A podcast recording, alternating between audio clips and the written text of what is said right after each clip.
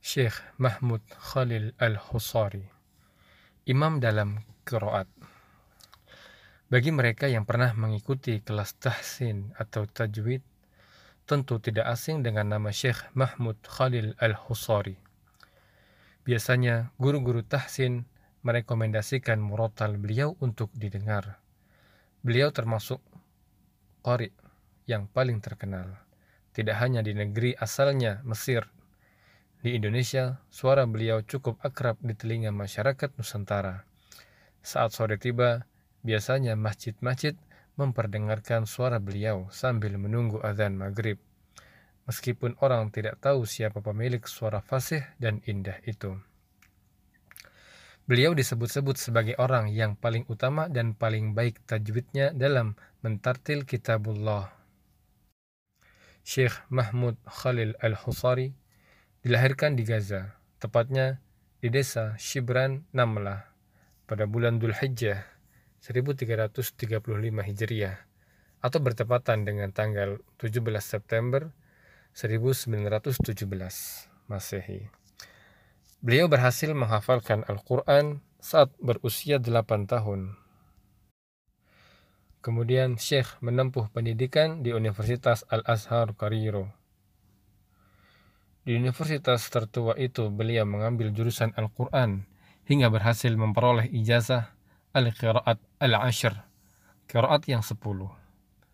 Pada tahun 1364 Hijriah, Syekh mulai rutin menjadi qari di siaran Al-Quranul Karim di Mesir.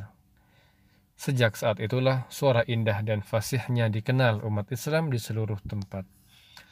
Pada tahun 1957 Masehi, ia dipilih menjadi penyeleksi para qari di Mesir dan tahun 1960 ia diberi amanah untuk mengoreksi cetakan-cetakan mushaf Al-Quran yang ada di Al-Azhar.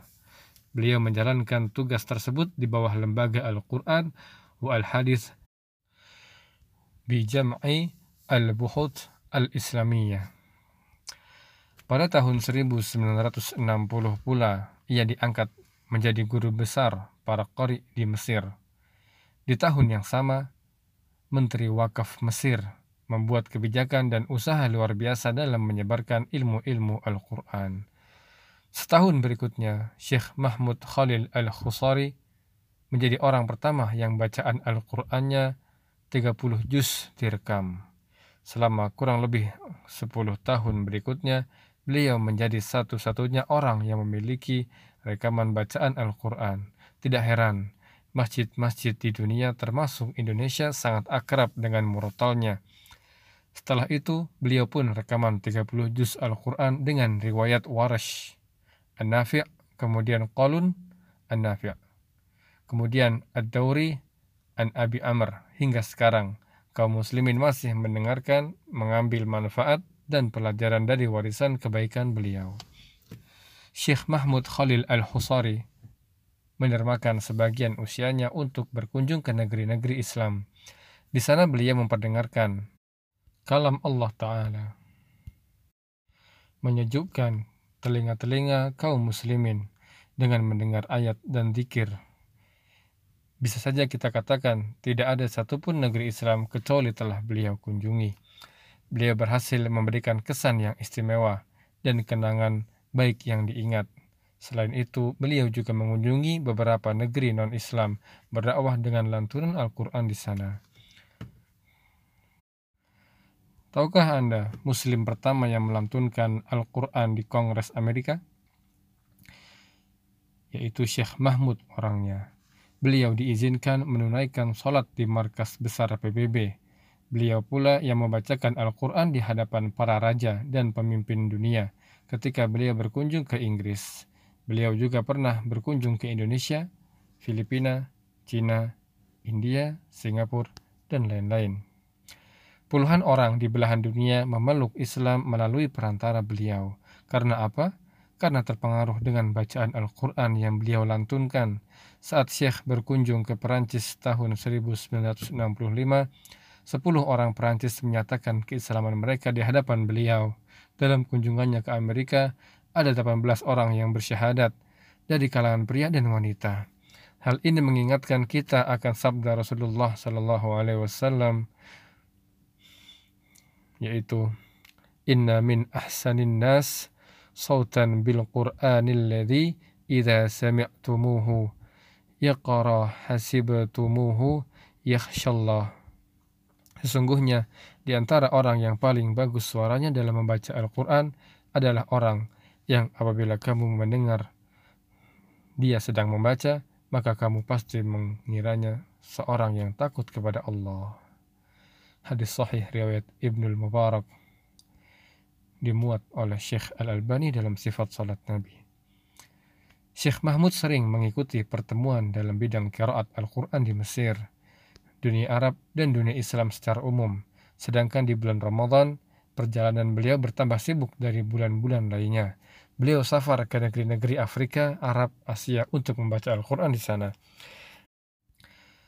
Di tengah kesibukan dan hafalannya yang kokoh, Syekh Mahmud masih sering mengulang-ulangi hafalan Al-Qur'annya, baik dengan media mendengar murotal atau langsung membaca mushaf Al-Qur'an. Keahlian Syekh Mahmud dalam bidang kiraat terbukti dengan karya-karyanya yang luar biasa.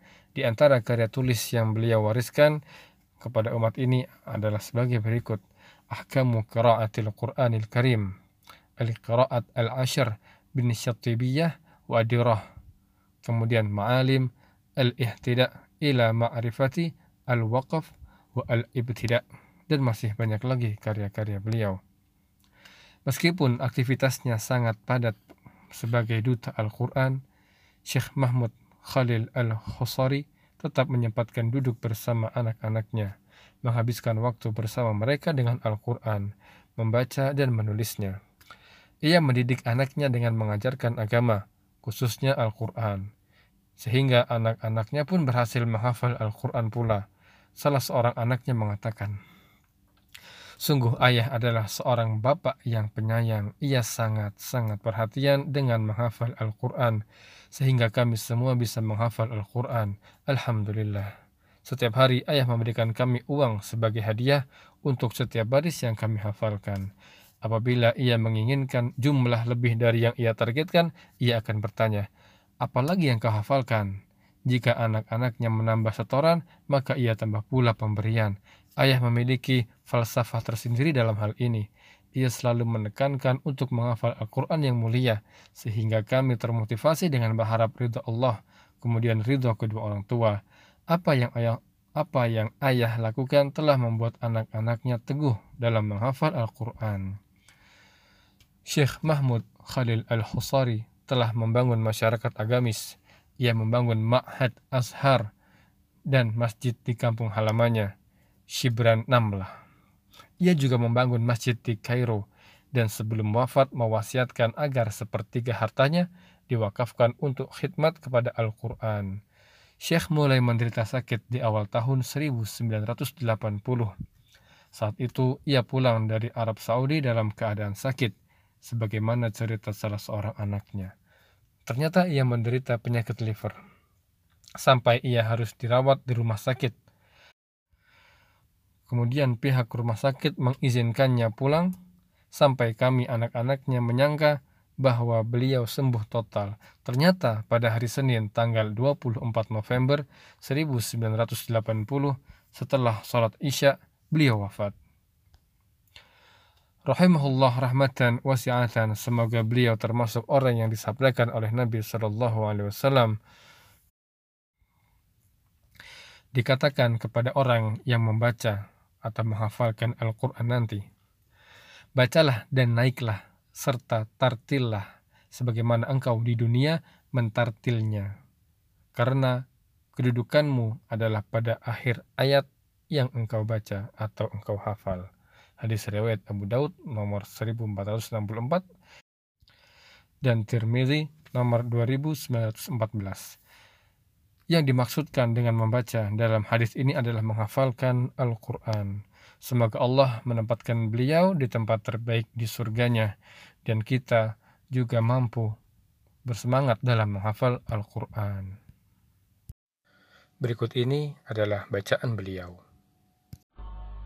Bismillahirrahmanirrahim. Wadduha. والليل إذا سجى ما ودعك ربك وما قلى وللآخرة خير لك من الأولى ولسوف يعطيك ربك فترضى. ألم يجدك يتيما فآوى ووجدك ضالا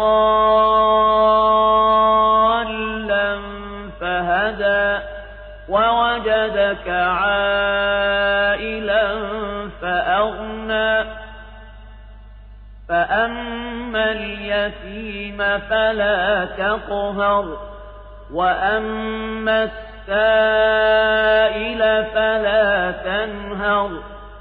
وأما بنعمة ربك فحدث